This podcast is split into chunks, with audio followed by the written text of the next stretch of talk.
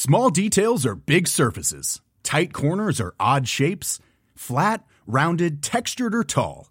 Whatever your next project, there's a spray paint pattern that's just right. Because Rust new Custom Spray 5 in 1 gives you control with five different spray patterns. So you can tackle nooks, crannies, edges, and curves without worrying about drips, runs, uneven coverage, or anything else. Custom Spray 5 in 1. Only from rustolium Hiring for your small business? If you're not looking for professionals on LinkedIn, you're looking in the wrong place. That's like looking for your car keys in a fish tank. LinkedIn helps you hire professionals you can't find anywhere else, even those who aren't actively searching for a new job but might be open to the perfect role. In a given month, over 70% of LinkedIn users don't even visit other leading job sites. So start looking in the right place. With LinkedIn, you can hire professionals like a professional. Post your free job on linkedin.com slash people today.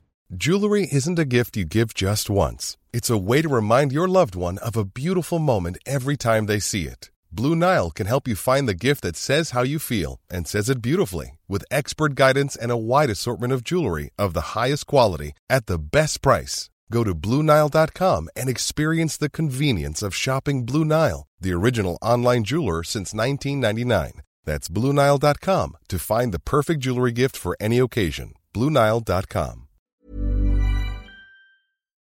Hva er likheten mellom en dødelig viruspandemi og en potensiell atomkrig? Begge er eh, i nær eh, omkrets. Ingen av de stopper åpen journal. Ok. Det er jo fantastisk, da. Det er bra. Ja, det er veldig bra. Så um, vi ruller videre, er det det du prøver å si?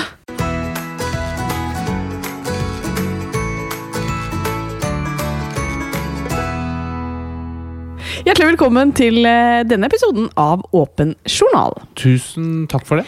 I dag så skal det handle om ADHD. Og hva står det for, Haraldsen? Det er en litt uvanlig måte å si det på. ADHD. ADHD. ja. Ja. Det står for Attention Deficit Hyperactivity Disorder. Ok. Vanskelig å si hele ordet, så, eller hele sendingen, så det er fint å kunne si ADHD. Eller ADHD, Eller ADHD. som noen sier. Det er i hvert fall en diagnose som kjennetegnes av tre kjernesymptomer. Konsentrasjonsvansker, hyperaktivitet og impulsivitet. Og mer om dette det kommer litt senere i sendinga, som jeg pleier å si. Jeg å si. Jeg, jeg husker et TV-program for en stund siden Ja. som jeg tror handlet om at det var noen utlendinger som skulle inn i Norge og møte norsk kultur. Oh, ja. Og så er, får de servert smalahove, ja. og så sier han ene Er det lamhode der, eller? Lamhove? Lamhode? Ja. Det bare minner meg om ADHD. Ja. Lamhode. ja. Lammehode. Kjempeinteressant. Kommer du til å supplere meg sånn som det også Ja. videre i sendingen? Med den responsen så kan jeg garantere at det kommer til å krydres hele veien inn til mål. Ja, men Det er i hvert fall en som kommer hit i dag, som jeg er helt sikker på at kommer til å gi deg god respons.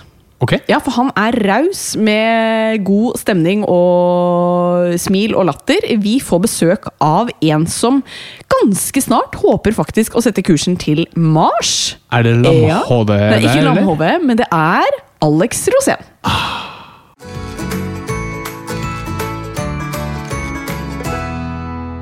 Vi må snakke om at uh, idet vi er ferdig med en pandemi, som vi ikke er ferdig med, eh, så jeg velger å ta den Vi må jo snakke om at vi eh, forhåpentligvis snart er ferdig med en pandemi. Eh, som vi har stått i i over to år. Og da topper vi det hele Med? krig. Å, det er ikke lamhode. Ikke lamhove. Eh, med krig. Med krig, ja. Ja, har tenkt det. det må jeg si at det kom litt uventet på meg. Det kom litt brått på. Ja, og eh, du spurte jo meg for noen uker siden om jeg var eh, bekymret. jeg Litt sånn som P4 gjorde i januar 2020. Ja, da jeg ble spurt om jeg var bekymret for pandemien, og jeg sa jeg er ikke spesielt bekymret for at eh, dette kommer til å spre seg til Norge. Eh, og sjelden har man vel bommet mer. Hva tenkte du rundt eh, invasjonen i Ukraina? Jeg var ikke Ukraina? spesielt bekymret. Nei, For jeg føler jo at dette er noe som har ulma lenge. I mange år. har det det? Og derfor tenkte jeg at det var jo ikke noe større grunn til at det skulle bryte ut nå. Nei. Så blind kan man være. Men altså, En ting er du, men det finnes jo veldig mange politikere også i Norge som Ja. tenkte at dette var utenkelig. Ja. Og som vil at vi skal ut av Nato. Ja, ja. Det er jo Da, da ble jeg Det vet du hva det er? interessert. Det er lamhålet. Hvem er det som ville at vi skulle ut av Nato? Nei, det er ikke, vi er ikke noen politisk podkast. Men eh, de som har stemt nei til Nato, ta en ørliten titt østover. Men eh, det jeg hadde lyst til å snakke litt om, det er flere ting. Um, det som jeg tror kanskje mange kjenner på, som du som lege du kan ta på deg legehatten nå eh, og svare litt på, er jo at man blir jo veldig redd. Man får jo en slags angst for at det skal komme en atomkrig, eller at vi skal bli rammet, vi også. Absolutt. Jeg har hatt minst ett angstanfall eh, med tanke på dette her. Ja. Fordi det er jo ordentlig guffent. Men jeg, og jeg er jo mer mot atomkrig enn mange andre. For jeg er til og med medlem i Norske leger mot atomvåpen. Ja. Ja. Atomvåpen er, det er forferdelig guffende greier. Men jeg har gjort litt research, da, selvfølgelig. Eh, og så fins faktisk en tjeneste på nett som heter NukeMap. Ja. Hvor du kan gå inn og se hva ville skjedd hvis det gikk an atombombe ulike steder. Ja. Og jeg plasserte jo da på dette nettjenesten en atombombe midt i Oslo. Altså ved Domkirken i Oslo. Ja. Og den plasserte jeg da mm, en, en- bombe tilsvarende den som gikk av over Nagasaki i andre verdenskrig. Det var den største av de to atombombene. Og da ville man faktisk vært good her i, på Smestad. Her hvor vi bor? Å Ja. men det er ja, det var veldig tilfredsstillende. Men ville man vært good sånn med tanke på strålingen også? Ja, fordi det som ikke sant, I en atombombe er det jo fryktelig mye greier. da, Mye kraft, mye varme og en del stråling. Men den strålingen den er først og fremst farlig hvis atombomben går av på bakkenivå. Ja. For da gjør den veldig mye radioaktivt materiale der hvor den går av, og så går det opp i luften. Og så får du det som heter fallout, eller atomfarlig nedfall, som Ja. varer noen uker etterpå. Men det var litt tilfredsstillende, det var godt å vite Ja. at selv om den går av her i Oslo, så er du rimelig good, i hvert fall i kjelleren her på Smestad, hvis du vet at den går av. ja. Men den, det, var, det var jo små bomber. Det fins jo bomber som er mye større nå, og da er du overhodet ikke good i det hele tatt. Nei, og det har jo du også tatt litt høyde for. Ja, For jeg liker jo å være godt forberedt, og som min kone kaller meg, så er jo jeg buffermannen. Ja.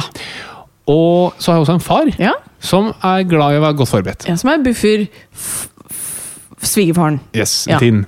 Og vi fikk jo da for et par år siden en sånn beredskapskasse av ham. Det var veldig fint. Med hva norske myndigheter anbefaler at man har i beredskap. Yes. Så den har jeg stående, og så har jeg jo handlet inn eh, doruller Ja. og en del havregryn. ja. Og jodtabletter. Ja. Og tror du ikke det er utsolgt overalt nå? Jo, det er jo riktig. Eh, og det, jeg er veldig glad for at du har det, men jeg blir jo også litt redd av Jeg at har det, ja. Du har det, ja. Ikke jeg. Nei? Men jeg blir litt redd at vi driver og stacker opp. Jeg gjør det. Ja, jeg, jeg er enig i det. og Man kan lett um, Det kan lett bidra til mer frykt. Mm. Og jeg tror f.eks. de fleste, eller i hvert fall mange ukrainere en gang, har nok ikke jodtabletter liggende. Nei? Men jeg tenker sånn så at hvis det koster lite å forberede seg Ja. Så jeg har brukt eh, si eh, 2000 kroner, da. Ja. Og brukt uh, Oda Ja. til å levere litt ekstra doruller, litt eh, havregryn, litt hermetikk, jodtabletter, litt vann. ja. Eh, eh, ferskt vann, som bare står eh, parat. Da har jeg brukt 2000 kroner på det. Slipper jeg å tenke på det. Kan du bare helt kort fortelle folk hvorfor man trenger jod hvis det kommer en atombombe? Ja, så eh, Hvis det går av en atombombe eller en atomulykke, eller noe sånt, så blir det en del radioaktivt jod eh, rundt omkring. Og særlig unge mennesker, gravide mennesker og mennesker som ammer, de, vil, eh, de bruker mye jod. Og alt jod kroppen får tak i, det sender den rett opp til skjoldbruskkjertelen. Ja. Det er den som håndterer jod. Så hvis man da er i nærheten av radioaktiv jod, så vil kroppen bare suge det opp, sende det til skjoldbruskkjertelen, og der ligger det og bare sender ut strålingen sin til skjoldbruskkjertelen. Okay. Og hva får man da? Eh, struma. Nei, Eh, da får man kreft. Ja, da får du skjoldbruskkjertelkreft. Ja, Men du får struma kanskje? eller? Ja, det kan være. Men det er ikke så farlig. Så hva betyr struma? Bare forstørret Det er bare en stor skjoldbruskkjertel. Så det er ikke det farlige, men at du får kreft i den. Så det man kan gjøre da, hvis du tar masse jod, Ja. så fyller du opp skjoldbruskkjertelen med jod. Så når du da kommer over dette radioaktive jodet, så sier kroppen Eller Ellers takk, her er det fullt. Og nå har jeg jodtabletter. Hva med deg, frue? Jeg håper du har kjøpt til meg òg. Vi får se. Ja, vi får se. Jeg får holde meg inne med deg i hvert fall til dette begynner å roe seg litt, tror jeg. Ja, Ja. Men, men tenk deg på det, dere. At Ja. hadde det gått av en liten atombombe i Oslo, så er du good hvis du bor et lite stykke utenfor. Så tenkte jeg å si noe nytt fra studiebenken. Mm. Ja, jeg tenkte det. Eh, Men det er jo på en måte så langt i podkasten har det vært litt eh, nesten eh, dyster stemning. må Vi si. Vi har snakket om litt krig og det som måtte være. Jeg vil ikke si at det blir lysere nå. Nei, jeg vil ikke det. Så etter hvert så må vi få opp stemninga her. Ok, Da gleder jeg meg til å først dra den litt ned. Ja. Men det som bare gjorde litt inntrykk på meg, var at vi hadde undervisning om, eh, om hjerneskader. Eh, både hos eh, voksne og barn, og alt fra hjerneslag og traumer og det som var som kan gi skade på hjernen.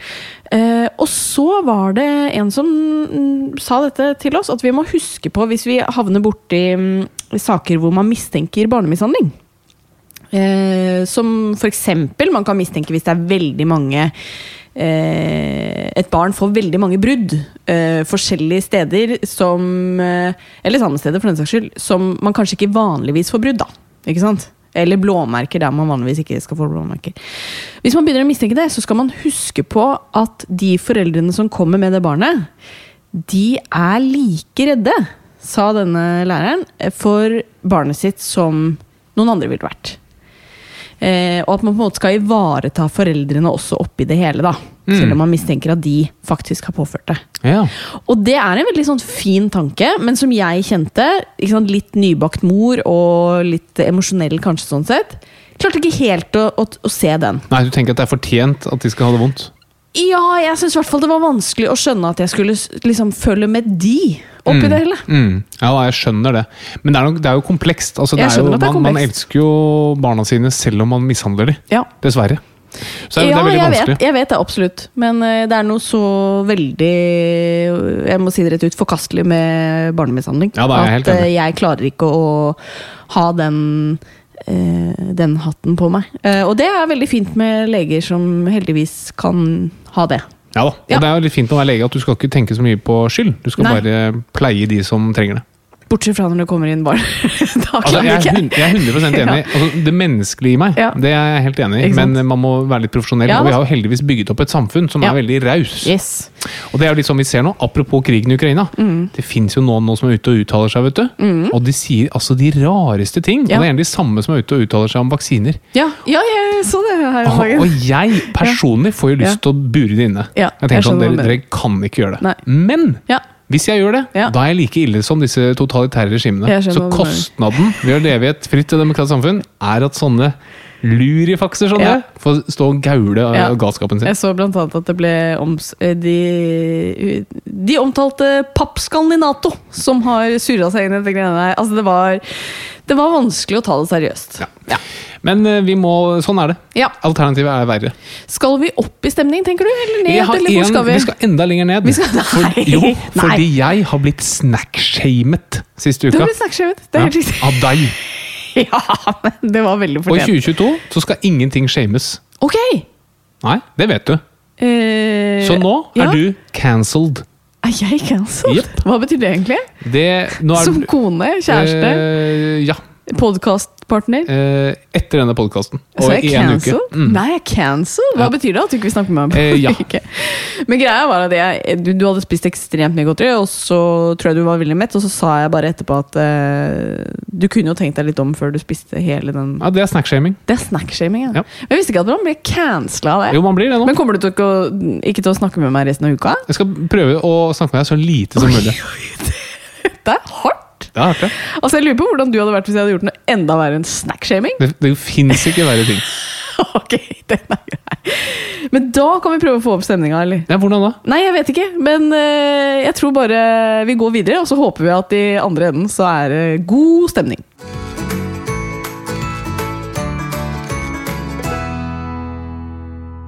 Stemninga den er god når vi nå skal snakke om ADHD, som er en diagnose du skal fortelle litt mer om. Hva er det for noe?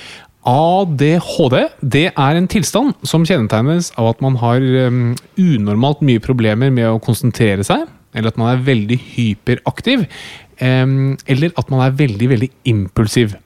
Og alle disse egenskapene har jo alle mennesker fra tid til annen. Og? Vi kan slite med å konsentrere oss, det kan være tider vi er ekstra aktive, og vi er jo impulsive fra tid til annen. Og ofte så kan jo dette også ses på som positive sider ved oss.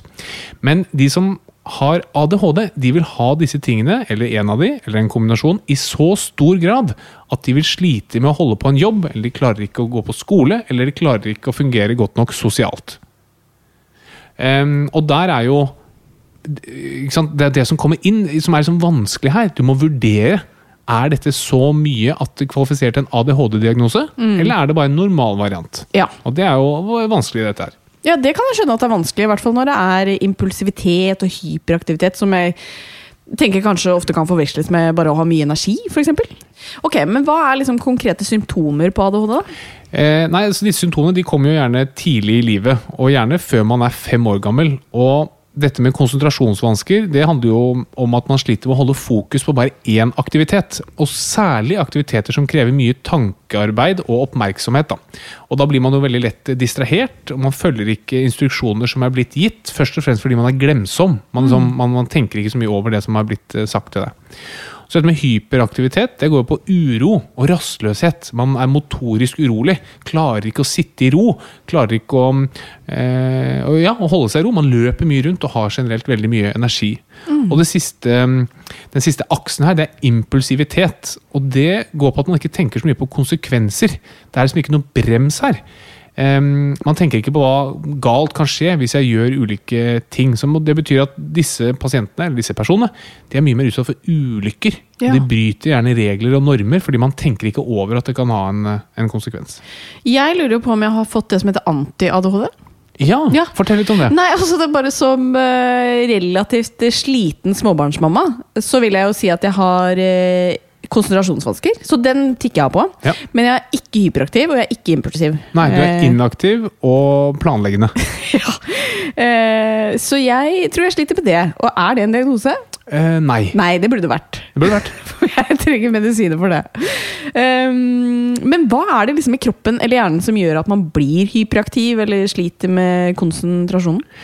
Altså, Hjernen er en veldig komplisert struktur og har veldig mange forskjellige områder i hjernen da, som er ansvarlig for ulike funksjoner. Og hele tiden så får jo hjernen input fra hele verden gjennom syn og hørsel og smak, men vi klarer som regel å filtrere ut det som ikke er viktig, eller det vi bevisst ønsker å filtrere vekk. da.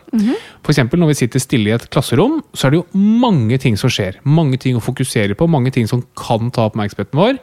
Men vi klarer aktivt å bestemme oss for at nå skal vi bare høre på læreren som står der, og så skal vi skrive ned det han eller hun eh, sier. Men det krever jo veldig mye krefter.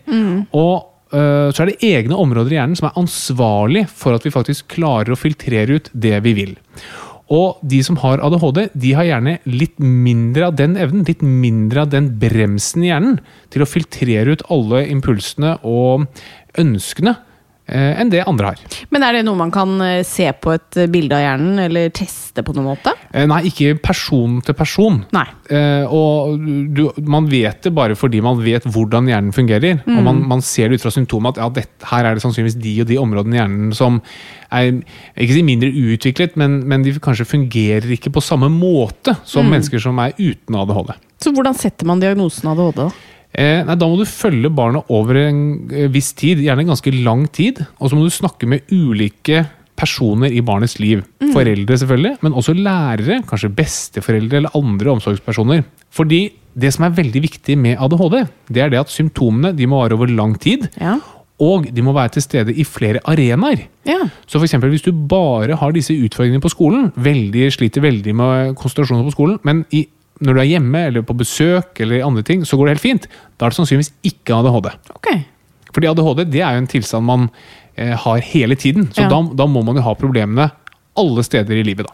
Men så kan jeg jo tenke meg at eh, det kan jo være vanskelig å sette den diagnosen også fordi barn er jo barn. Eh, nå har jo vi en eh, gutt på halvannet, og han er jo hyperaktiv. eh, sitter ikke lenge stille. Vet ikke hvor god han er på å konsentrere seg. Impulsiv. Han kan jo kaste seg utfor sofaen. Altså, hvor tidlig kan man sette den diagnosen? Nei, du, du må jo være i en alder som gjør at du vet hva du skal kunne forvente. Altså Ja. Du må kunne sammenligne med andre barn som, som gjør det på en annen måte. Og Jeg tror ikke det er noen nedre håndfast grense, men igjen, symptomene viser seg gjerne før de er fem år, ganske tydelig. Eh, Men det kan ta mye lengre tid å få diagnosen. For man har jo eh, mange måter å attribuere sånn oppførsel på. Ja, ja. Kan være at nei, vi har akkurat flyttet, eller det er en ny eh, lærer på skolen, eller andre ting man tenker at det er. da. Mm. Så det er ikke uvanlig at man går mange år før man får ADHD-diagnosen. Er det noen forskjell dersom man er voksen på hvordan eh, diagnosen skal stilles? Altså Er det samme kriterier? Ja, det er for så vidt de samme kriteriene, men symptomene må ha vært til stede fra personen var et barn. Fordi hvis man plutselig i voksen alder får disse problemene, og ikke har hatt problemer som barn, da er det sannsynligvis noe annet enn ADHD. Ok. Eh, er det noe absolutt poeng å sette diagnosen, da? Det kommer jo veldig an på hvem du spør. Det er jo vanskelig å kjefte på et barn med ADHD. Ja. Eh, og det er lettere kanskje å søke om hjelp hvis man har ADHD. Og så vil jo de som selger ADHD-medisin eh, være opptatt av at de får diagnosen. Og så kan det være at noen som har vært på kurs og lært om ADHD, er litt eh, kjappere på avtrekkeren når det kommer til å sette diagnosen. Ok, for jeg har jo lest da at det tar gjennomsnittlig fire år fra en bekymring starter hos foreldrene, til de klarer å få en henvisning til spesialisthelsetjenesten. Og da er jo spørsmålet, har du noen tips til foreldre som, som lurer på om barnet sitt har ADHD? Eh, det hørtes veldig lenge ut. Ja, det hørtes veldig lenge ut. Eh, kilden er eh, ADHD-nettsiden. Ja. Ja. Er, var det det? Ja. Ja, Det hørtes lenge ut. Eh, nei, altså, det å bruke tid på foreldrene er jo ekstremt viktig. For foreldrene er jo åpenbart veldig bekymret. De kan være redde for at de har gjort noe galt, eller de kan ha dårlig samvittighet for at de har kjeftet mye på et barn som senere viser seg å ha ADHD. Eh, Så det å informere foreldrene, det er veldig veldig viktig. Å bruke masse tid på å lære dem opp hvordan man skal takle barn med ADHD. Og selvfølgelig fortelle dem at det er jo ikke noe de har gjort gærent, som har fått dette, gitt dette, denne diagnosen til, til barnet. Og så er det også viktig å si at ADHD kan jo være en enorm ressurs. Ikke sant? Og det er veldig mye man kan gjøre for barnet med miljøet rundt, med foreldrene, for å spille på lag med ADHD-en. Ja. Tenk det, da! Masse energi, impulsiv. Det er jo supert i de rette rammene. Ja, for da blir jo også spørsmålet hvordan, eh, hvordan man skal behandle det, og kanskje om man skal behandle det, i alle tilfeller.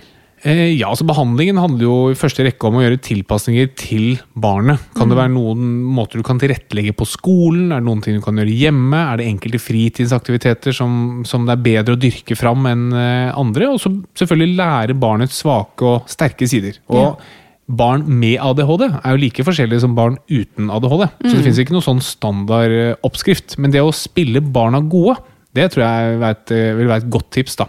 Kanskje de er kjempekreative. Kanskje de lærer best når de får tegne, eller kanskje når de er ute og går. Sånt er veldig viktig. Det er jo veldig synd at man har et eh, skolesystem for eksempel, som er ganske A4. Ja. Som handler om å sitte rett opp og ned og følge med på én person. Det fungerer bra for de fleste, men ikke for alle. Og på behandlingen så finnes det selvfølgelig medisiner man kan bruke. da. Og de er til stor hjelp for, for mange. Ja, da har jeg hørt om Ritalin. Hva er det for noe? Eh, ja, Ritalin det er et eh, stoff som virker stimulerende på hjernen. Eh, og det kan være litt rart at du stimulerer en hjerne som det høres ut som er litt for mye på. Men det som gjerne man trenger litt mer av hvis man har ADHD, trenger litt mer brems. Så du kan si at Ritalin det stimulerer bremsen. Det gjør Ja. at du blir mer fokusert, klarer å ta bort eh, alle impulsene. Og klarer å foku hjelper deg til å fokusere. Eh, men hvordan er det med tilleggslidelser? Har man økt sjanse for andre tilstander dersom man har ADHD? Eh, Ja, det er dessverre sånn at eh, ADHD har et betydelig overlapp med andre tilstander, som autisme, Tourettes syndrom, lærevansker og atferdsvansker. Dessverre. Men eh, som du har nevnt, det finnes vel også mye bra med å ha mye energi og kreativitet og Ja, altså, absolutt. Altså, det er veldig viktig å si at personer med ADHD er jo knallsterke innenfor visse felt. Husk på det at alt i psykiatrien handler jo bare om at du definerer hva som som de fleste har. Og hvis du er utenfor det, da er du unormal.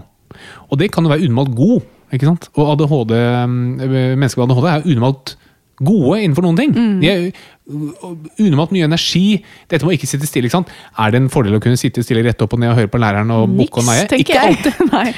Eh, så vi skal ikke liksom romantisere det. Nei. Men, men hvis du har fått diagnosen, så må du huske på at du har et eller annet ved deg som er helt unormalt bra. Ja. Og selvfølgelig så er det jo liksom innenfor eh, samfunnets A4-normer så kan det by på utfordringer. Men det kan også by på enorme muligheter.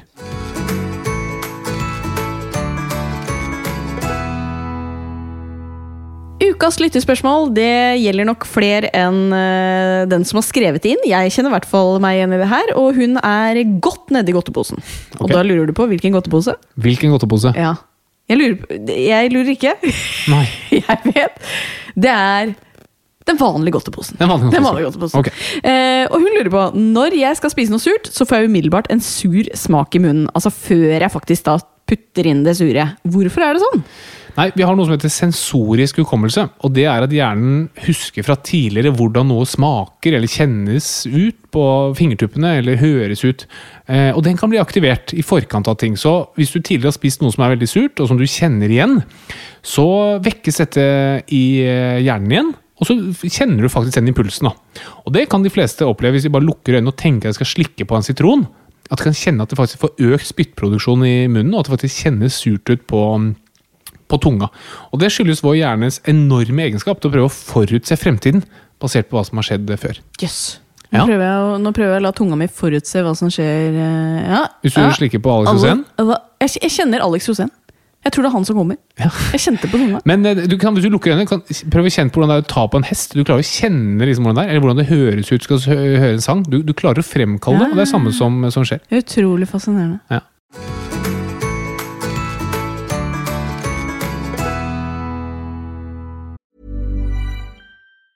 When you're ready to pop the question, the last thing you want to do is second guess the ring. At Bluenile.com, you can design a one of a kind ring with the ease and convenience of shopping online. Choose your diamond and setting. When you find the one, you'll get it delivered right to your door. Go to Bluenile.com and use promo code LISTEN to get $50 off your purchase of $500 or more. That's code LISTEN at Bluenile.com for $50 off your purchase. Bluenile.com code LISTEN. One size fits all seems like a good idea for clothes until you try them on. Same goes for healthcare. That's why United Healthcare offers flexible, budget friendly coverage for medical, vision, dental, and more. Learn more at uh1.com. I'm Sandra, and I'm just the professional your small business was looking for. But you didn't hire me because you didn't use LinkedIn jobs. LinkedIn has professionals you can't find anywhere else, including those who aren't actively looking for a new job but might be open to the perfect role, like me. In a given month, over 70% of LinkedIn users don't visit other leading job sites. So if you're not looking on LinkedIn, you'll miss out on great candidates like Sandra. Start hiring professionals like a professional. Post your free job on linkedin.com/people today.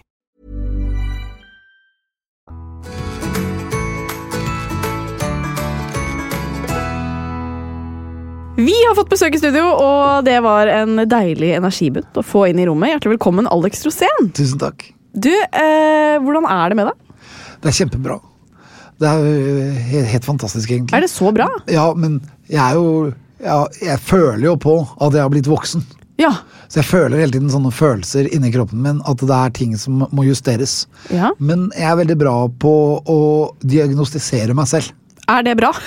Ja, men for, ja, Nå har du internett, da, men det Ja. kan jeg ikke egentlig bruke, for jeg er jo eks-hypokonder. Ja. Så det er veldig fort gjort at jeg har alle sykdommene jeg leser om. Så jeg prøver å holde meg unna det. Mm. Men vann er lege, legemlig. Altså det, det, det, det gjør deg frisk. Så jeg bruker vann. Så, for jeg kjenner at oi, nå har jeg liksom litt vondt i nyrene. Og så drikker jeg litt ekstra med vann, og så vips, så er det borte. Ja. Så vann og trening er for meg veldig er magisk. Ja. Og vann er, vi er skapt av så mye vann at det, kroppen jobber lite Du må ikke drikke for mye, da, Mhm. men den jobber lite med å ordne opp i vann. Mm. Mens f.eks. alkohol er mye verre.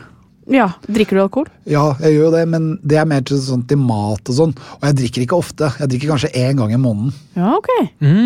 Og kanskje mindre også, for plutselig så går det lang tid. For jeg har det veldig gøy uavhengig av alkohol. da. Ja, fordi du bruker andre rusmidler, eller fordi du ikke trenger rus? Fordi jeg ikke trenger rus. Jeg er rus i meg selv. Jeg har veldig mye endorfiner. Det tror jeg på. Ja, og så er det sånn at eh, Når jeg gjør ting som gjør at jeg drar opp eh, adrenalinnivået, så får jeg så bra feedback. Ja. Litt sånn som du får av trening. Ja. Og den feedbacken den gjør meg glad, og da blir jeg veldig fornøyd. Men det er jo, for eksempel Noen ganger så kan jeg kjenne at eh, jeg har vært på byen, Ja. og så kjenner jeg at jeg har vondt i en nyre. Ja. Og så kjører jeg et sånn vannkur. Og jeg har fått en sånn gammelmannssykdom som heter podagra, som er urinsyregikt. Og den kan løses uten medisiner, bare med, med nok vann. Ja. For det er jo krystaller i stortåa, Ja. og de løsner litt hvis jeg er pluss vann. Så jeg klyper meg litt i fingeren noen ganger, og så ser jeg Oi, litt dårlig med fuktighet nå. Ja. Og så bare drar jeg på med vann. Ja. Så jeg er veldig bra på å medisinere meg selv. Før jeg fikk barn, så var jeg hypokonder. Å, men det har endret seg etter det? Ja. Hvorfor det? Fordi nå er jeg hypokonder på de barnas Ja, vegne. og det jeg var det i hvert fall i starten, i starten, men så blir man jo litt herdet. Ja. Så at du sier at dette er jo ikke noe sykdom. Dette her er jo bare et slag, eller dette her er bare fordi at du er morgengretten, eller Ja. at jeg, at jeg avslører sykdommen, da, men med min første sønn så var jeg veldig rask på legevakten. Var det et eller annet jeg følte at oi, nå svimler han litt, nå må vi på legevakten! Ja. Men det var jo hysteri, ikke sant. Ja. Og det er jo det egentlig også uh, po, altså, um, uh, hypokonderi er. Jeg hadde jo Jeg jobbet jo på en platesjappe i byen uh, som het Akersmek. Og da var det jo veldig mye fest, for det var jo når housepartyene kom i Oslo. Så Ja. det var jo fra houseparty til houseparty, egentlig, eh, på 90-tallet. Og da husker jeg det at da våknet jeg en dag med at jeg hørte masse lyder, og så masse rart. Og så tenkte jeg oi, nå er jeg så syk at nå må jeg være hjemme. Ja. Så gikk jeg til legevakten da, for å få liksom noe medisin eller for å sjekke hva det var for noe. Og han så på meg, og så ga han meg en, en sykemelding som jeg skulle ta med meg på jobben. Og der sto det 'hypokondrisk tendens'. Nei. Og når jeg leverte den til han sjefen, så ble han så sinna. Her kommer du og er hypokond! Så det var jo en helt ubrukelig sykemelding. Altså, det går ikke an å gi. Nei, det gjør jo ikke det. Men jeg, jeg fikk den, altså, da så følte jeg at ok, nå må jeg skjerpe meg. Ja. Men uh, hva er det du har vært redd for, da? Og, når du har vært hy- hypokonder? For å dø. For å dø, ja. Ja, ja, det er jeg redd for. Ja. Eller ikke nødvendigvis å dø, for det er jo greit, men å få en sykdom som gjør at jeg blir disabled. Altså at jeg, blir, eh, at jeg ikke klarer meg sjøl. Mm. At det, det kan være f.eks. ALS eller eh, Alzheimer Mm. eller altså sånne typer Eller kreft. Ikke sant? At du får en sånn sykdom som gjør at du ikke For jeg er jo i mine fulle fem, Mm. og det er det jeg har lyst til å være. At jeg er, fungerer. da. Ja. Så jeg har alltid vært litt nervøs for å få en sånn sykdom. For at jeg er jo opptatt av, sy av sykdommer. Men når jeg fikk egne barn, så var det så mye annet som ble fylt på. Som jeg måtte da, Nå måtte vi gå på ski, nå måtte vi gjøre det, nå skal vi dra og seile. Ikke sant? Det er alltid et eller annet å gjøre. Og da ble det en sykdom. Da tenkte jeg ok, den får jeg tenke på senere. ja. Du har ikke tid, egentlig? Nei, jeg har ikke tid. Nei. Men sånn er det med mye angst. Det handler jo rett og slett om at fantasien får litt eh, god tid til å tenke alt som kan skje, og alle problemer som kan dukke opp. Ja, men faktisk, det er jo angst. Det har jeg ikke tenkt på. Men du slår meg som en frisk fyr. Altså som en eh, som har et, et positivt syn på livet. Ja, og det har jeg jo veldig. Sånn at jeg, er jo, jeg går jo alltid letteste vei. Og hodet mitt er veldig bra til å glemme ubehageligheter. Ja. Og derfor så ser jeg stort sett tilbake på ting med lyse øyne. Akkurat sånn som jeg ser på fremtiden. ja. Så Du ser på den lys. den med lys, med lys i øynene. Ja, Og at den er lys, at det ikke er noen Det, det er ingenting å være redd for. Nei. Dette her skal vi finne en løsning på. Ja. Og for at Nå er det jo veldig mange som bekymrer seg. Mm. Man bekymrer seg for krig i Ukraina, man bekymrer seg for global overoppheting. Når jeg var liten, så var man redde for atomkrig. Og så var man redde for jordskjelv, og så var man redde for aids. Jeg husker aids kom. Da var jo det bare wow, nå skal alle få aids. Det var litt sånn når covid-19 kom også, men den kom jo faktisk. Ja, det gjorde det. Den kom! men, men, men den derre be, bekymringen, den tenker jeg veldig ofte er veldig menneskelig. Er det ikke det ene, så er det det andre. Men det jeg tenker da, er det at eh, vi har en regjering som eh, lager planer for at vi ikke skal eh, brenne opp jorden. For eksempel Den ene er jo det å legge avgifter på bensin. Sånn at vi ikke kjører for mye, eller på veier med bompengeringer og sånn. Men det er litt sånn der, da har vi godtatt at jorden skal gå til helvete. Vi skal bare prøve å vente lenge. Ja. Men det fins folk i verden som har tatt oppdraget å fikse det.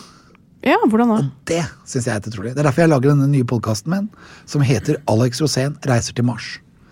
Ved at menneskeheten skal reise til Mars og bygge fullstendig ny infrastruktur. Men er det mulig? Ja, På det er- Mars? Og det er, ikke, Ja. det er ikke lenge til. Nei, det er nok ikke det. Men Når Vi- tror du det skjer? Eh, Eirik Knut, da, som er astrofysiker, han sier at det kan skje i 2022, og det er i år. Hæ? Men eh, jeg må bare bli ferdig. 2024, 2026 eller 2028. Eh, hvis man skal stikke Og det kommer av avstanden til Mars. ja. Fordi at Mars går rundt sola. Og når det er oddetall akkurat nå, det kommer til å forandre seg om en stund, for det er ikke helt nøyaktig, men når det er oddetall, da er Mars på den andre siden av solen. Det vil si at det, avstanden er enorm. Da vil du bruke kanskje flere måneder. altså du vil bruke åtte og en halv måned når den er nærmest. Men når den er på andre siden, så kan du i hvert fall gange den med tre. Ja. Og da blir det lang vei. ja. Så det er bare sånne vinduer hvor Mars er nærme. Og det vil si at vi skal da til Mars i 2024, 2026 eller 2028. Fordi at Erik Knut ikke er så optimist som meg, da, så tror han 2028. At det er Hvorfor kan det ikke være 2030?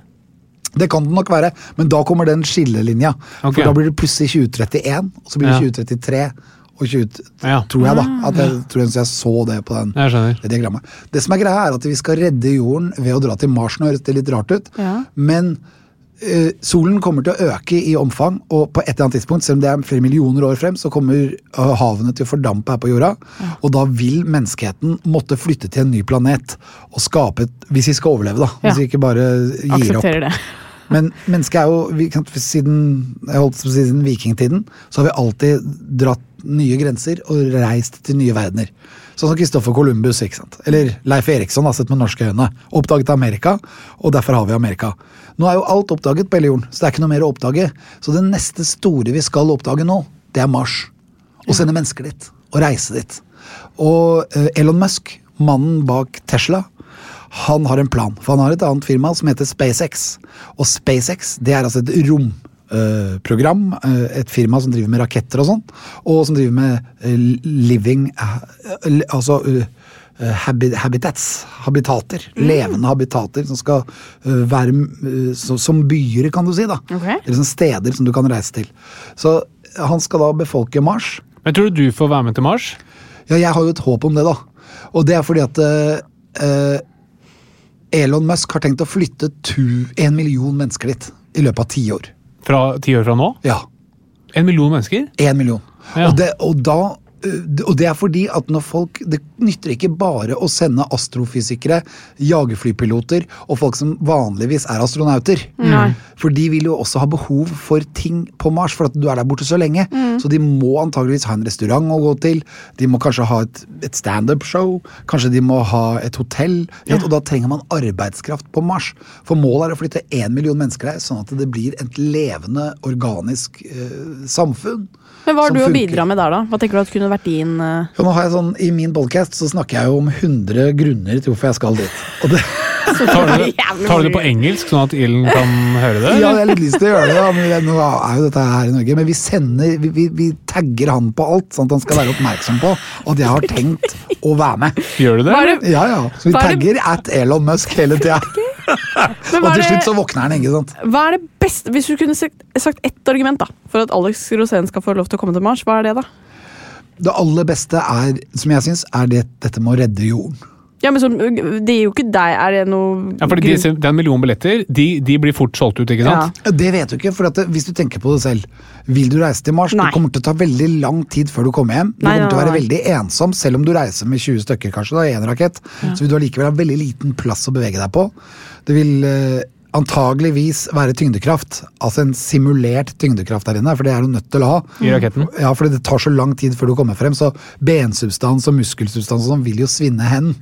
Og derfor så må du Så, så jeg, har sett, en sånn idé hvor de putter ett spaceship i midten, og så et annet som roterer rundt i en sånn hastighet som gjør at de kan ha Hvis de drar ut i den ytterste delen av raketten, så vil de kunne gå. Og, det er, og det er viktig på, når det gjelder trening, viktig, for at det er veldig mange skader. De gutta som, som har vært ute i seks måneder og sånn, Det er veldig verdensrommet, skadelig. De klarer ikke å gå ut av raketten når Nei. de lander. De har ikke muskler til å gå ut. Men Selv om de har trener du nå da for å kunne Med tanke på at du skal kunne dra til Ja, jeg må jo ned i kilo. Du må ned i kilo, Ja. ja. altså jeg, det er kosthold det går på nå. Hvor gammel er du, Alex? Jeg er 53. 53 år, ja. Ah, ja. Og da er du, men det kaller jeg sånn farealder. For at nå merker jeg at når jeg løper og sånn nå, så er alt litt tyngre, og jeg merker på en eller annen måte alderen. Men det er ikke i sinnet, for i sinnet så er jeg veldig ung. Så jeg, har, jeg føler meg som jeg er 20 år, eller kanskje 15 år, i sinnet. Fordi jeg er fortsatt glad, og fortsatt veldig, ve, veldig lykkelig, på en måte. Så jeg prøver alltid å finne den gylne middelvei, da, som Aristoteles snakker om. Fordi da er jeg mest lykkelig. ja. Så, og, og jeg er veldig obs på at jeg kan være lei meg. Jeg er veldig glad i følelsen av å være lei seg, og det kommer av at jeg lager mye musikk. Og den beste musikken lager jeg når jeg er lei meg. Ja, så jeg er glad i det å være lei meg. Ja. Og så vet jeg at det, skal du være veldig glad, så må du være veldig lei deg òg. ja. For hvis du finner bare den derre litt dopa, eller altså sånn apotek-happiness, så er det sånn derre Det kan bli Litt smalt. Litt smalt. Ja, og vel, veldig få er det topper. verste. Og veldig, ja, ja. Ja. Og det, det vil jeg ikke ha. Nei. Men, øh, men hvis du da kommer til Mars, hva skal du gjøre der, da? Da vil jeg nok få oppgaver. Ja. Men vi trenger vel noen leger på Mars òg? Ja. Kunne vi sendt opp kona vår en tur? Ja, du, dere får jobb selvfølgelig der, mm. men, for man må ha, ha det menneskelige aspektet med leger. Men det som er veldig spennende, er jo at Elon har lagd en eh, Tesla-doktor. En lege helautomatisert som både diagnostiserer deg og gir deg kur og opererer deg. Og det er altså en, en robot. Hvis dere har sett den der videoen med Nevrolink, har dere hørt om Nevrolink? Nei. Nevrolink er en liten chip som alle som skal til Mars, skal ha med seg. Det er en liten chips på størrelse med en tiåring, ti, Ja. tiøring, som blir boret inn eh, bak øret. Og der sånn sitter den med 220 ledninger eller noe, inn i hjernen din. Nei. Jo, om det, er bare fire av de går ned i ryggraden. Sånn at du kan justere alt. De behøver ikke å spørre deg åssen du har det, for det ser de på monitoren. Og det som er så morsomt, er det at det, den, jeg vet ikke om den er operert inn i mennesker ennå, men den har vært operert inn i dyr. Og da ser du på en dataskjerm hva de dyrene tenker. Og det er helt nydelig. Det er bare så ute. For da han hadde gjort det på en gris, og da så du den grisen komme inn. da, at den skulle vises frem. da. Og så ser han bort på en sånn matfat, og så står det oppå en skjerm hva han tenker. Og så står det mat, mat, mat, mat, mat, mat. mat. det høres ut som deg, da. Ja, det høres ut som meg. det var så kult å se, for den, den grisen tenkte jo ikke på noe annet enn mat. Nei. Og så tok de en sånn tispegris, altså sånn jentegris, da, og sendte inn til den der galten som gikk rundt der inne. Og så snudde han seg rundt, og så så han på hun Dette, dette kommer til å bli i hvert fall som meg. Så så så så han på hun, hun i, i jentegrisen, og så sto det 'mat, mat, mat'. Så han tenkte til og med på mat. Når han så henne? dame. Ja, men det tror jeg gjelder deg òg. Ja, dette høres meg. Men, det, er noe, det er noe når du sier da til en jente at 'jeg elsker deg mer enn mat', Ja. så er det et fantastisk Ja, det er faktisk veldig hyggelig. Men hva, øh, hva skjer med kroppen hvis man drar til verdensrommet? Nei, problemet er jo, Hovedproblemet er at det er ikke gravitasjon der. Så, ikke sant? Både skjelett og muskler som Alex sier, det svinner jo hen, fordi det er ikke noe motstand lenger. Nei. Så bare det å gå opp en trapp er jo ganske tungt for både skjelett og muskler. Ja. Så ved alle disse hverdagsaktivitetene så holder vi hele tiden muskler og skjelett litt i gang. Mm. Men i verdensrommet så er det jo eh, Det er en sånn modifikasjoner, men, men på lange i, reiser så er det ikke gravitasjon i utgangspunktet. Mm. Så det er aldri noe motstand, og kroppen er, tilpasser seg veldig fort. Så hvis ikke det er noe vits med muskler og skjelett, så suger den bare opp istedenfor. Hvor havner det da? I, i leveren? Eh, nei, da Altså, det går vel først ut i blodet, og så vil jeg nesten tro at det bare går ut i avføringen, det, altså. Vil det være noen av eh, de indre organene som lider mer enn andre? Ja, masse. Det er masse skumle effekter, og tarmene lider. Du blir blind etter hvert. altså Synet blir dårligere, immunforsvaret Oi. fungerer dårligere. Um, så det er en hel rekke av veldig veldig skumle effekter, uh, som særlig skyldes da at det ikke er noe gravitasjon. Og på Mars så er det en tredjedel av gravitasjonen på jorden. Ja, Ja. Så det må man jo også ta med inn i regnestykket. da. Så en ting er reisen, som er flere måneder, som er skummel. Og så er det når du kommer dit, da, hvordan du skal ha det når du er der. Men det er, det er så mye problemer her. Ja. Og det er så mye vanskeligheter Ja. for å få dette til. Og det er jo ingen som tror at vi kommer til å reise til Mars med det første. Nei. Når jeg snakker om dette med folk, så tror de jo at jeg er gæren. Men, Men det er det er ikke. jeg som er gæren, det er Elon. Elon er. Ja, ja, og da er det greit! Og du ser at han har jo fått til masse. Ja! Og nå, når han holder på med nå, nå i mars, som er neste måned, da skal han skyte opp Spaceship. Det heter jo Spaceship, selvfølgelig. Raketten som skal føre oss til Mars. Ja. Den raketten den har han lagd flere stykker av. Og de, den raketten den har en hangar i Jeg vet ikke om det er San Francisco eller Texas hvor den står nå, men den hangaren det er en tro kopi av hangaren til Jabba the Hutt i Star Wars. Ah, ja. Han gjør det, ja. Jeg vet ikke om det gjør meg mer trygg eller mer Det gjør eh, meg usikker. mye mer trygg. Jeg tenker, Han har riktig referanserammer, da. Ja, både og. Men hvis, du, hvis jeg får en billett til Mars, så skal du få den. Uh, Ja, det er jeg enig. Ja. Ja, jeg, Ja. jeg trives best på jorden, jeg, enn så lenge. Ja, jeg også. ja, Men du er lege, eller? Jeg er lege, ja. Hvordan type lege da? Nei, nå jobber jeg jeg jobbet som kirurg en liten stund. Nå jobber jeg som eh, hva skal kalle allmennlege. da. Startet Ja, ja. Egen, jobbe i egen butikk. Så Du er fastlege? Eh, nei, ikke fastlege, men eh, altså, nå administrerer jeg. Da har jeg 20 ansatte som sitter og jobber rundt omkring, så jeg er ikke så mye klinisk lenger. Men de driver jo med litt AI, da. Ja, Vi driver jo med litt sånn som eh, skjønt Elon også, med denne Tesla-doktoren. da, Ja. Hvor vi bruker teknologi til å stille diagnoser som er mye mer presise enn det va- Ja. kall det vanlige leger Fordi. Tesla-doktor er jo faktisk 100 pre- presis, fordi du har tatt vekk den menneskelige faktoren. faktoren. Ikke sant? Det, er- jo er veldig lenge siden flyindustrien kom til at uh, the plane is not the problem. Ikke sant? Problemet i det som skaper en flyulykke, det er nå pilotene. Ja. Og det, det samme er det innenfor medisin. altså Medisinen er jo kommet langt og gjør veldig mye bra. Men de gangene det ikke går bra, så er det jo legens vurdering som dessverre slår feil ut. da. Samme er det med seiling. Ikke sant? det, er liksom, det er ikke båten er noe gærent med. Så det jobber jeg med. da, og Gjør det tryggere og raskere og enklere å mm, få medisinsk behandling. Ja. Så sånn sett er jeg kanskje litt som Elon, da. Men eh, vi må innom eh, dagens tematikk også. Vi har eh, snakket om ADHD før du kom i dag. Er det en diagnose du har noe forhold til? Ja, ja, veldig mye. For jeg har jo alltid fått høre at jeg har det. Ja. Men jeg har aldri blitt diagnostisert. Nei. Sånn at, øh, men jeg føler allikevel at øh, jeg, jeg var jo øh, for forbundet for ADHD i Norge. Så hadde de en sånn dag hvor de inviterte veldig mange som hadde den diagnosen, til en Ja. fest midt på Youngstorget i Ja. Oslo. Og da var jeg programleder. Ja.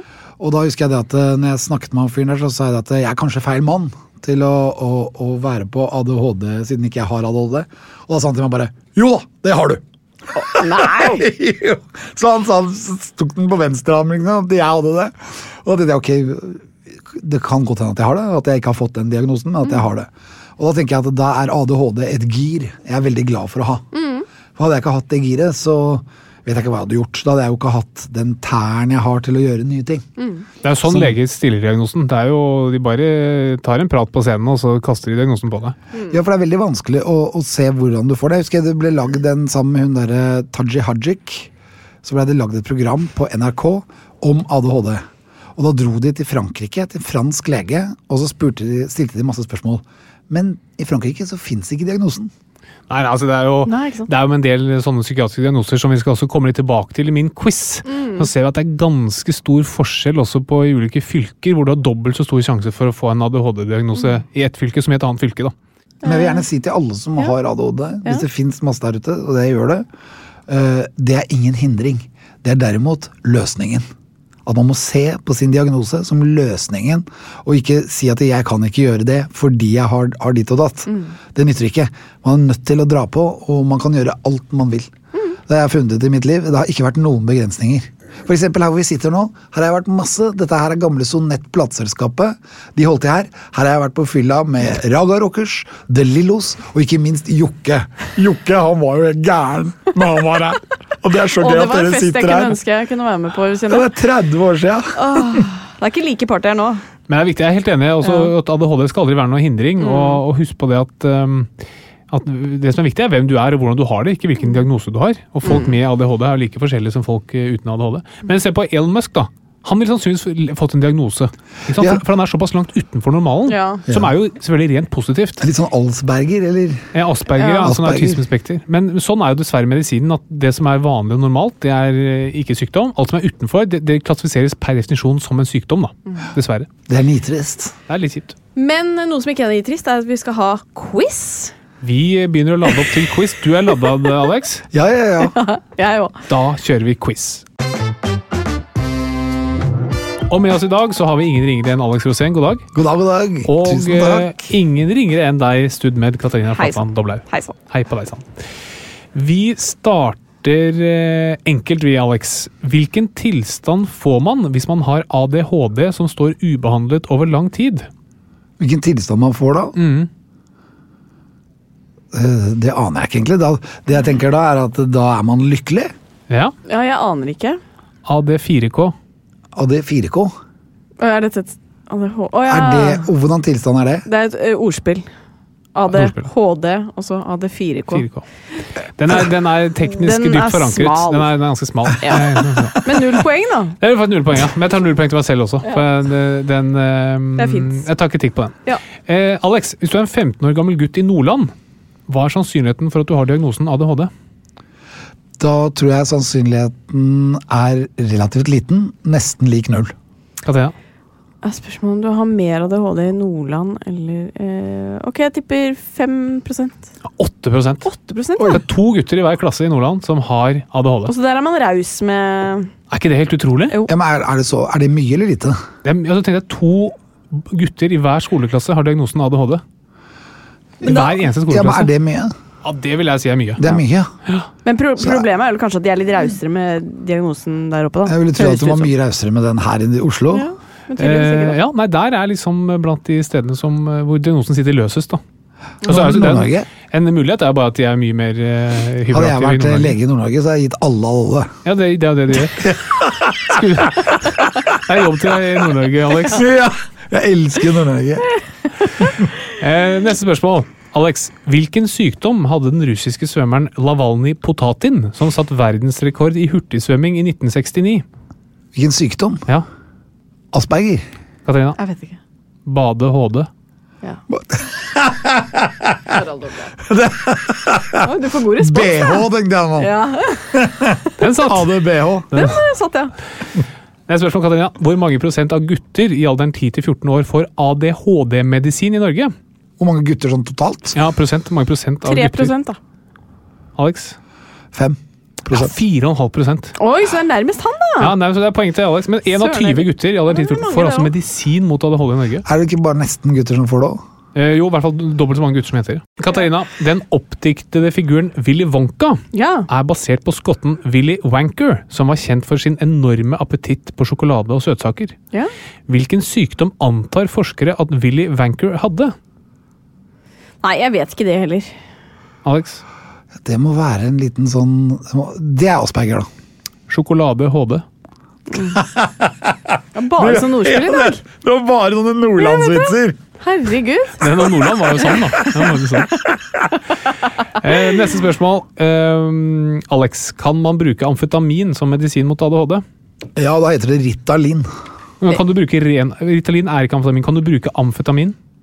Helt sikkert. Det er vel ganske tilnærmings... Ja, du kan det. Ren amfetamin. Men det er veldig skadelig. Ja, det må man ikke gjøre. Eh, nei, det finnes mange som bruker det mot ADHD. Ja, men det har noen sånne syrebalansegreier som ikke er bra altså, for kroppen. Det ødelegger nervesystemet. Ja, jeg jeg kjenner skal- masse, jeg, Som jeg pleier å si, jeg har nesten bare dårlige venner. Og jeg har vokst opp midt i byen her. Og kjenner masse folk som har fått varig skade av det narkotikumet. Yes. Så, men det er litt annerledes hvis du får det forskrevet av legen. sannsynligvis. Ja. Men uh, enig i det. Minst mulig bruk av amfetamin må være målet. Katarina, hvor mange prosent av innsatte i engelske fengsler har ADHD? Ja, 10 Alex? Da tenker jeg 40% Ja, det er poeng til Alex. Det er 25 Hæ? Oi, det var mange! Hver fjerde innsatt i fengsel har ja. Ja. Så, Vi er sant? misforstått. Ja, Ikke sant? De er misforstått, og i veldig ung alder, og så går de på feil spor. Yes, det er riktig. Siste spørsmål. Da er jo faktisk Alex Rosén i ledelsen her Oi, i dag. Neste spørsmål er det bare å skru til eh, Ja. små grå, Katarina. I USA brukes ofte fengselsinnsatte til å bygge infrastruktur, som å grave grøfter. Mhm. Hvilken tilstand risikerer disse innsatte å få? Det, åh, hva er det? HD, ADHD? Er det noe ordspill der, da? Alex? Apati. Spade HD. Ja. nei, det er- bare å takke. Dette var jo tidenes tullequiz. Ja, men jeg var sammen med masse av de som jobbet ute i gata i Phoenix, Arizona. Ja, det ser du. Ja, Da var jeg møtte sheriff Joe Arpaio, som var sheriffen til disse her. De hadde alle rosa drakter for at de ikke skulle stjele draktene og ikke stjele håndklærne, så alle gikk i rosa. Og så ble de kalt chain gang, for de gikk med sånn kjetting mellom, mens de gikk og sang sånne fengselsviser for å gå ut og spa grøfter. Og dette, I eh, Phoenix, Arizona så er det jo full ørken, så det er varmt. ikke sant? Og det, jeg fikk så vondt av de. Som, og så sier han Joe, for jeg spør Joe Arpaio, da. Hvorfor i all verden har du disse her gående rundt i rosa uniformer og, og slite ute i ørkenen, og så måtte de bo i ørkenen? Så sier han Our soldiers. Og så kom han med soldatene, da, som var i Irak på den tida. De går i ørkenen, og de slåss mot Taliban. Taliban. Så vær så god. Da må de gjøre det i Phoenix òg. Og de må jo bare rett og slett ikke leve bedre enn soldatene gjorde, da. Og Men må eh, var det noen av de som hadde spade HD? Alle sammen. Der ser du. Ta det på alvor. Nei, det var eh, Gratulerer med seieren, eh, Alex. Å, jeg vant. Ja, du du vant. ja. Du vant, Wow! vant. Spade var ikke så enkel, da. Nei, det var ikke så enkelt. Du vant en billett til Mars. Ja, takk, takk. Ja. Da skal du være med. Da ble jeg med. Det er greit. Og hvis ikke du kan, så bare helautomatiserer vi deg. Ja, ja, det det burde være problem. enkelt. Eh, før vi avslutter, pleier vi alltid å få et tips til vår sønn Bernhard uh, på hvordan han kan bli en fin fyr. Har du noen tips til han, Alex? Ja, og det er uh, lev drømmene. Det er et veldig fint tips. Ha drømmene, alt du drømmer om, og gjør det. Ja. Fordi alt er mulig. Er det én ting som er helt sikkert, så er det at det er ingen begrensninger på noe som Det er helst. veldig fint. Det er heller ikke umulig å komme seg til Mars.